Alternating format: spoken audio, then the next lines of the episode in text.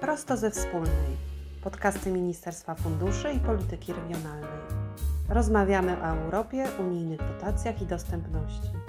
Bądźcie z nami. Dzień dobry, witam Państwa bardzo serdecznie i zapraszam do wysłuchania rozmowy z Rafałem Sukiennikiem, dyrektorem Departamentu Rozwoju Cyfrowego w naszym ministerstwie. Dzień dobry, panie dyrektorze. Dzień dobry, witam. Jesteśmy u progu nowej perspektywy unijnej. Polska otrzyma z budżetu Unii Europejskiej 770 miliardów złotych. Zadaniem Ministerstwa Funduszy i Polityki Regionalnej jest przełożenie tych pieniędzy na konkretne programy i inwestycje. Trwają konsultacje społeczne wszystkich unijnych programów krajowych i regionalnych, które będą realizowane w nowej perspektywie budżetowej. Dzisiaj porozmawiamy o programie Fundusze Europejskie na rozwój cyfrowy. Temat bardzo na czasie, bo trwają konsultacje projektu i do 25 maja można zgłosić do niego uwagi. Panie dyrektorze, proszę powiedzieć, co zakłada FERC, bo tak w skrócie nazywa się program. FERC jest następcą programu Polska Cyfrowa, który przez ostatnie 7 lat wspiera już cyfryzację w naszym kraju. Nie będzie to jednak program prostej kontynuacji tego, co było już w obecnej perspektywie. Będą na pewno projekty e, dotyczące podłączania do ultraszybkiego internetu, usług cyfrowych czy też otwierania danych. E, widzimy też miejsce na nowy typ projektów, na przykład działania wspierające ponowne wykorzystywanie informacji przez przedsiębiorstwa. E, bardzo istotne będzie wspieranie w nowej perspektywie cyberbezpieczeństwa. Jest to zupełnie nowy temat e, w naszym programie. E, zapobieganie atakom czy też incydentom zagrażającym bezpieczeństwu w sieci. Zamierzamy też uruchomić wsparcie dla instytucji, samorządów umożliwiające wdrażanie już gotowych rozwiązań cyfrowych, na przykład w obszarze zdrowia, bezpieczeństwa, klimatu, ochrony środowiska czy też kultury. Od ery cyfrowej nie ma odwrotu. Pandemia tylko przyspieszyła transformację cyfrową wielu sektorów gospodarki, administracji, służby zdrowia i szkolnictwa.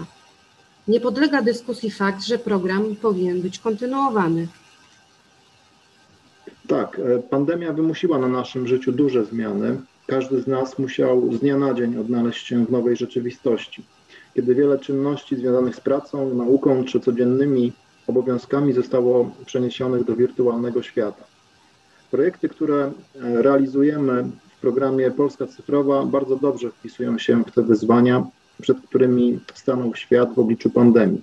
Mam tu na myśli wszystkie działania związane z podnoszeniem kompetencji cyfrowych, e, przedsięwzięcia telekomunikacyjne czy projekty e, z obszaru e-administracji czy e-zdrowia. Czy może Pan przybliżyć naszym słuchaczom jakiś projekt, którego idea pojawiła się w czasie pandemii? To na przykład e, znane uczniom i ich rodzicom, a także nauczycielom projekty Zdalna Szkoła czy Zdalna Szkoła Plus, które były odpowiedzią na sytuację szkolnictwa wynikającą z pandemii. Podczas zawieszenia zajęć w szkołach sprzęt komputerowy był niezbędny do prowadzenia lekcji na odległość. Przy wsparciu funduszy unijnych programu Polska Cyfrowa wyposażyliśmy w taki sprzęt szkoły, które następnie udostępniają go potrzebującym uczniom i nauczycielom. Z dofinansowania w wysokości 370 milionów złotych skorzystało już ponad 200 tysięcy uczniów i 30 tysięcy nauczycieli.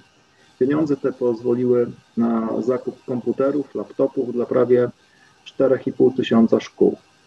Dodatkowo przeznaczyliśmy środki na oprogramowanie oraz mobilny dostęp do internetu potrzebny do prowadzenia zdalnych lekcji. Jak już rozmawiamy o pieniądzach, to wróćmy do nowego programu. Jaki budżet będzie miał FRC? Na realizację tego programu chcemy przeznaczyć blisko 2 miliardy euro. Wsparcie będzie udzielane w formie dotacji. Z tych pieniędzy będą mogli skorzystać przedsiębiorcy, administracja publiczna, instytucje kultury i systemu szkolnictwa wyższego i także nauki oraz organizacje pozarządowe. To dużo pieniędzy. Tak, to porównywalna kwota do środków, którymi operuje w obecnej perspektywie program Polska Cyfrowa. Przybliżmy jeszcze szczegóły programu Fundusze Europejskie na Rozwój Cyfrowy. Na co te pieniądze wydane?